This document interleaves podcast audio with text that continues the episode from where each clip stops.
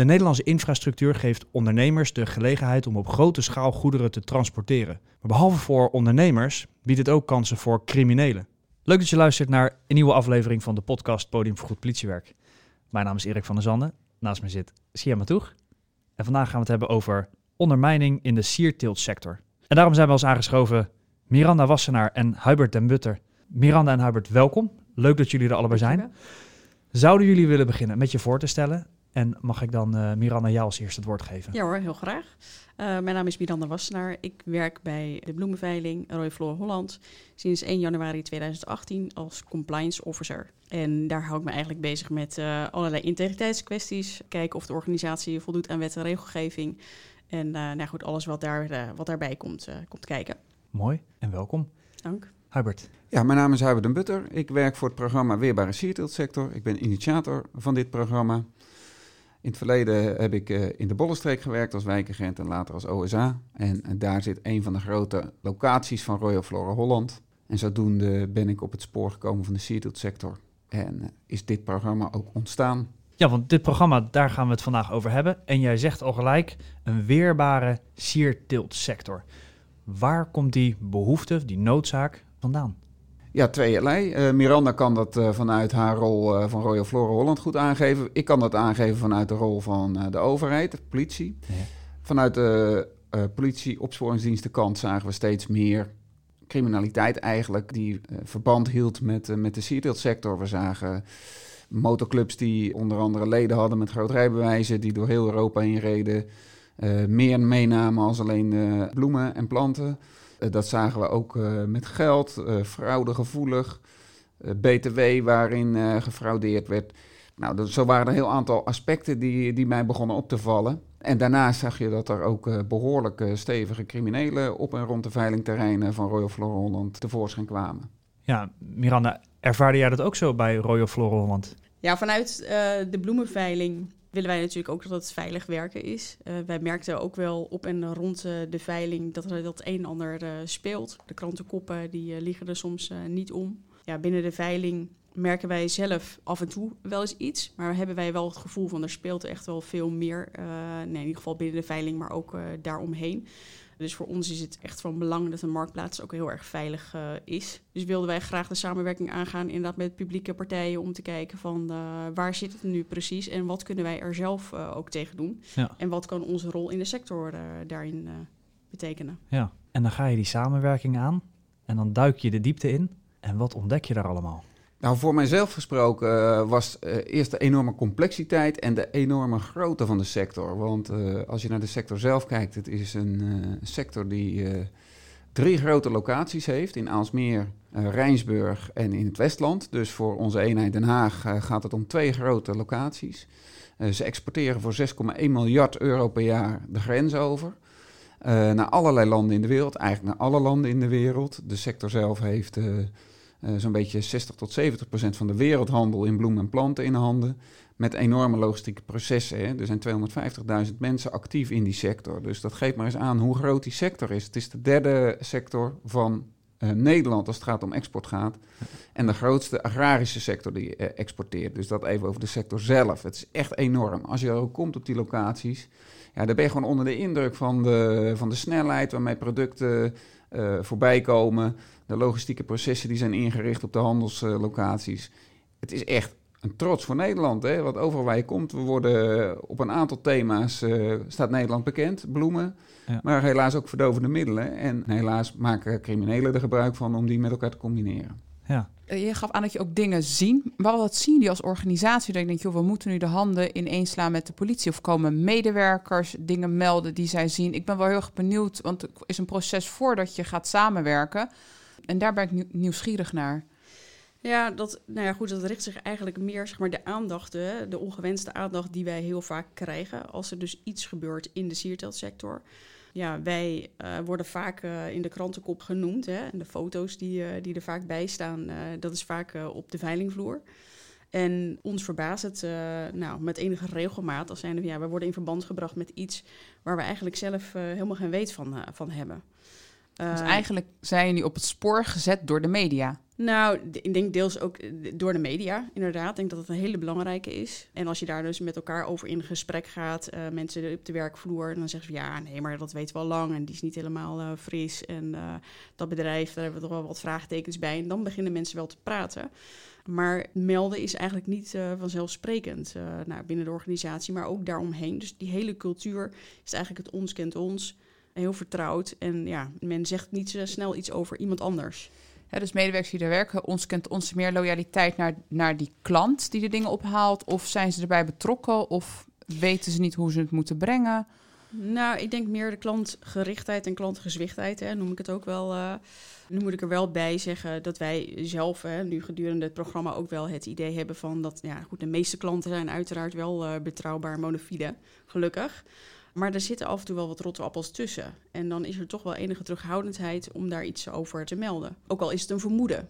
Ja, angst voor zichzelf, voor hun eigen veiligheid misschien. Dat zou ook zeker mee, eh, mee kunnen spelen, ja. Maar wat gebeurt er dan allemaal aan criminele of malafide activiteiten op die veiling in die, in die sector? Ja, je zegt het terecht goed, hè? want eh, heel snel wordt de verbinding gelegd met de veiling. Maar je moet je realiseren dat de veiling een organisatie is van kwekers. Hè? De kwekers in Nederland die bieden hun producten aan via het platform van de veiling, dat is een coöperatie.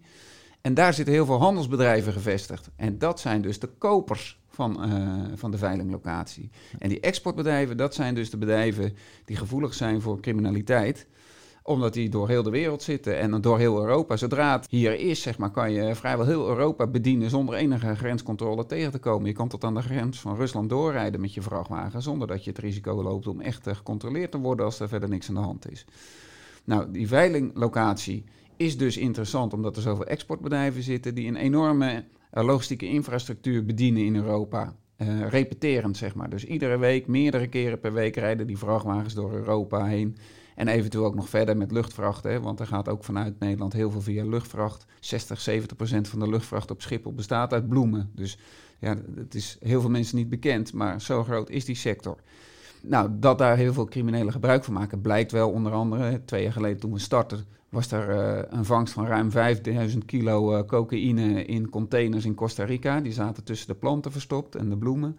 Uh, maar ook van de week nog in het nieuws in de kwakel. Hè, een heel, ja, ja, eigenlijk ja. een enorm belangrijk gebied als het gaat om kwekers. Heel dicht tegen de bloemenveiling van Aalsmeer aan. Heel dicht tegen Schiphol aan. Ja, dan zie je dat die geografische plekken bewust worden gekozen door criminelen om hun uh, voorraad in op te slaan. En dan zie je vervolgens, wat wij uit onderzoeken zien, uh, uh, die onlangs zijn geklapt, dat er heel veel combitransporten plaatsvinden door Europa heen. Hè? Dus dat vrachtwagens zo'n 2 tot 300 kilo verdovende middelen aan boord hebben, waarbij bijvoorbeeld hennep zit, maar ook net zo makkelijk hennep gecombineerd met ecstasy, gecombineerd met cocaïne, heroïne, wat je wil bestellen, kan je gewoon krijgen. En wat ook een heel opvallend uh, gegeven is, is dat die vrachtwagens, net als de bloemen, op allerlei locaties een doosje van 20 kilo afgeven. Ja, dat, dat was ook wel een heel opvallend gegeven. Dus dat die pendeldienst echt gebruikt wordt door criminelen, dat is, dat is wel duidelijk geworden. Mede naar aanleiding van die hele encrypted data die allemaal uh, openbaar is gekomen.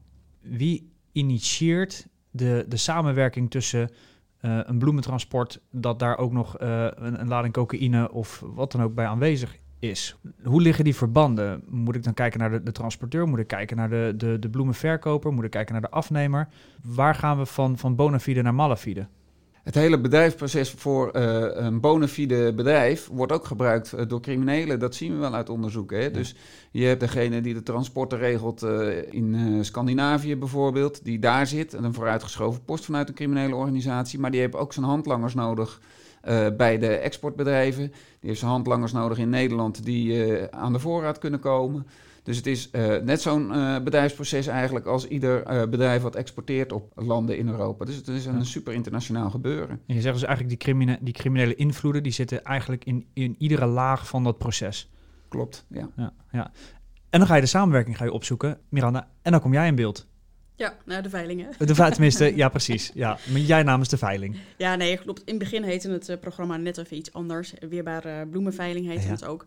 Maar goed, in de gesprekken met, ja, goed, met alle betrokken publieke partijen ja, werd toch wel heel snel duidelijk. Hè, dat was voor ons natuurlijk wel duidelijk, maar voor de, voor de partners dan werd wel heel snel duidelijk uh, dat wij een, een, ja, een schakel in de keten zijn. Dus ja, in het begin uh, vooral even gekeken van oké, welke publieke partijen zijn er allemaal uh, bij uh, betrokken.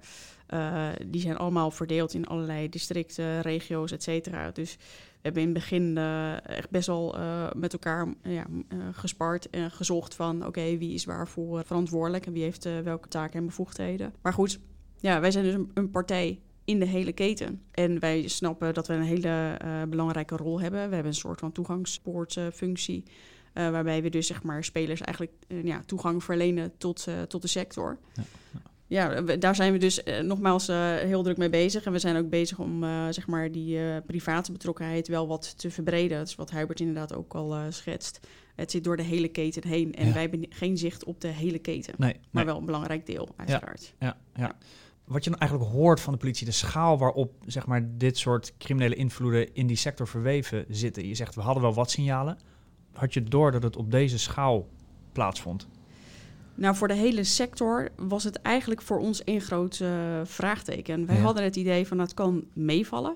Maar het kan wel ook wel eens enorm uh, nou ja, tegenvallen. In die zin uh, dat, dat het echt behoorlijk groot kan zijn. Nou, en dat zie je dus eigenlijk nu ook. Uh, gaandeweg hebben wij dat ook wel ervaren met elkaar.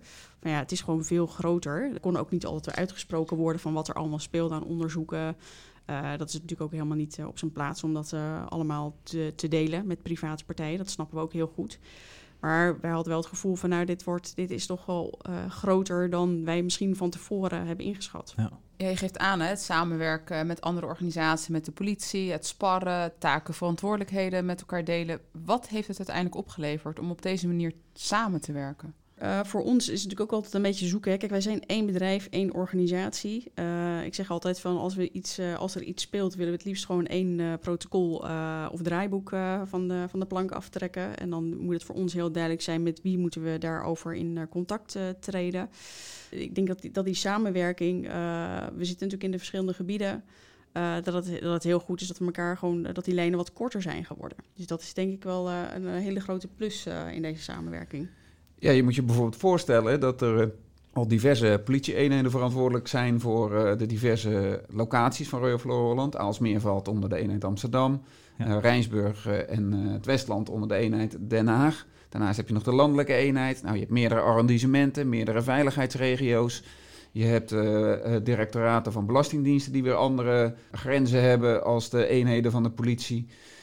ga zo maar door, hè? meerdere gemeenten dat was voor ons dus het eerste jaar ook heel hard werk om die stuurgroep en om die governance structuur goed op orde te hebben, dat mensen überhaupt elkaar konden vinden. Hè. Nou, dat is ontzettend goed gelukt. Dat mag ik wel zeggen eigenlijk. En daarnaast uh, wilden we ook heel graag hands-on aan de slag. Hè? Dus met de mensen die op de vloer staan, met hen in gesprek van joh, wat hebben jullie nodig en uh, hoe komen we daarmee verder? Daar hebben we dus, dus medewerkers op de vloer van de, uh, van de organisaties Flora Holland. Uh, Bijvoorbeeld, maar ja. ook van de Belastingdienst die daar ja. natuurlijk veel komen. wijkagenten die nu speciaal zijn vrijgemaakt voor de locaties van Royal Flora Holland.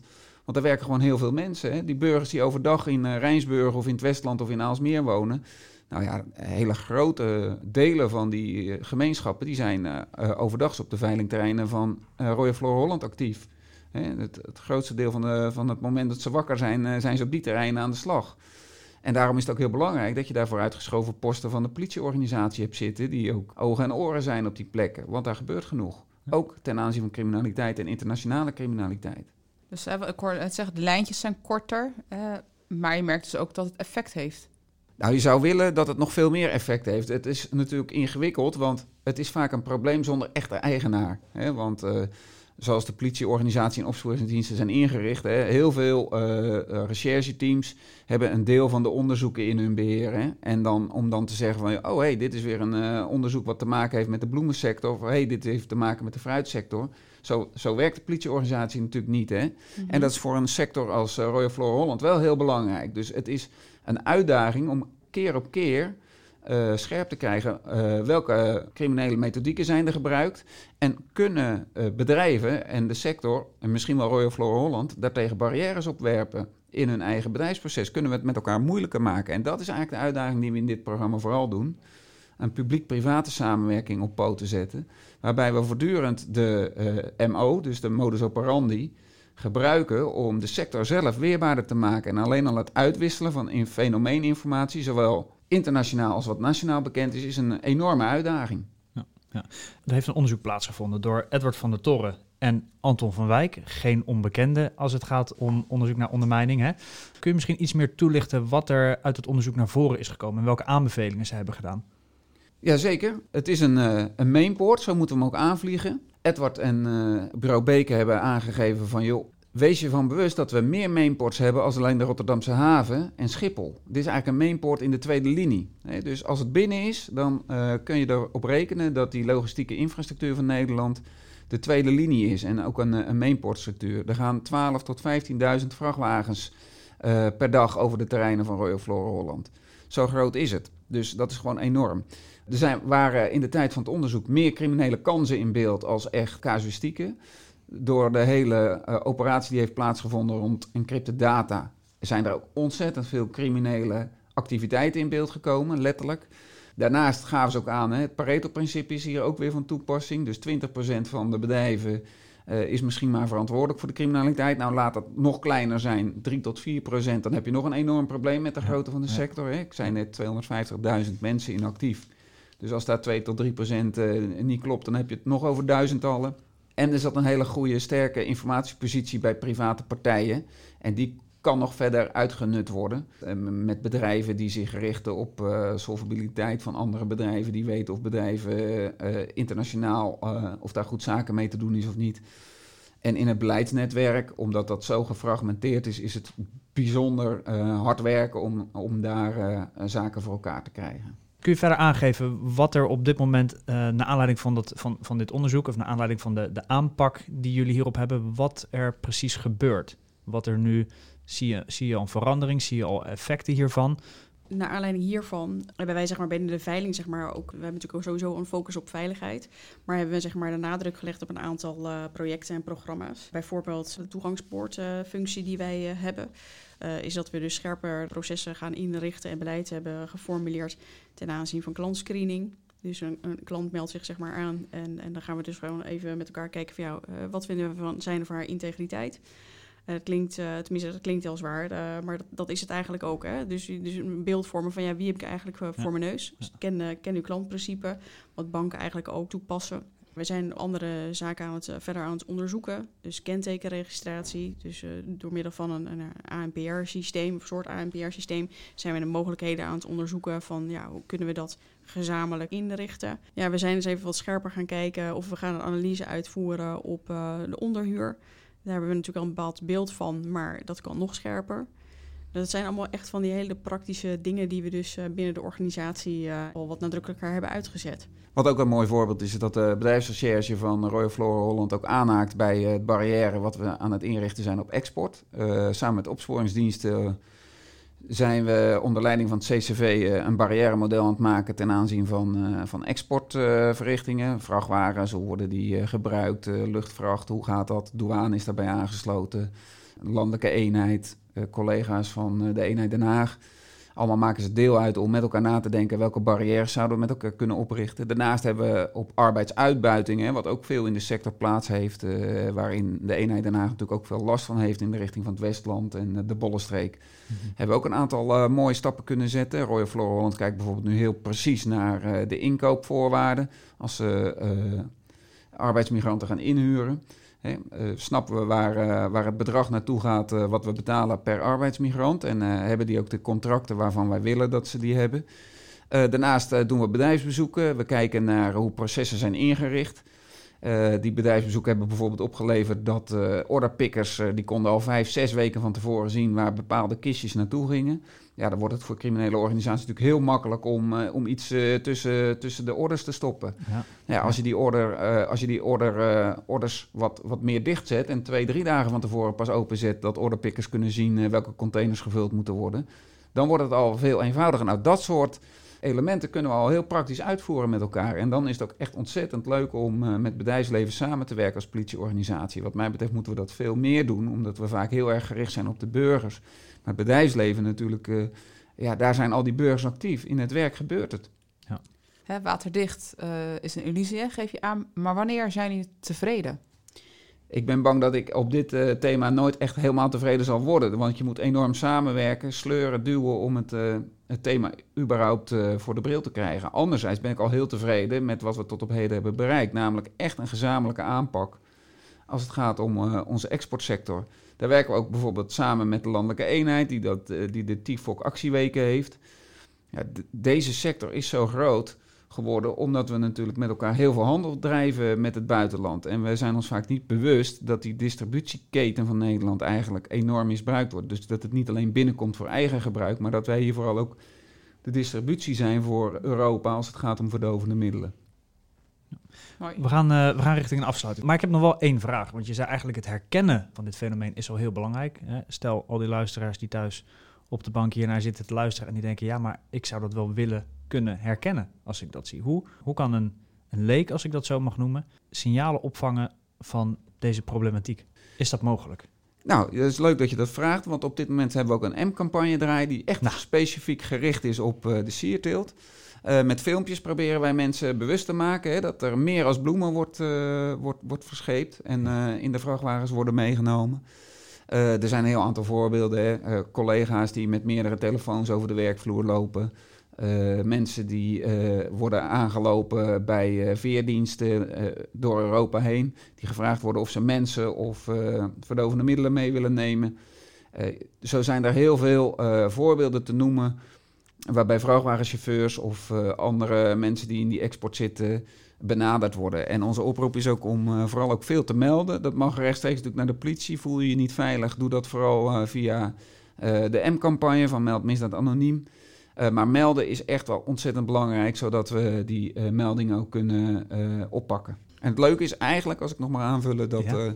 nou, dat het volledig in samenwerking is gegaan met Royal Flora Holland, die M-campagne. Dus dat is ja. ook weer een voorbeeld van hoe we met elkaar hebben samengewerkt om zo'n campagne van de kant te krijgen.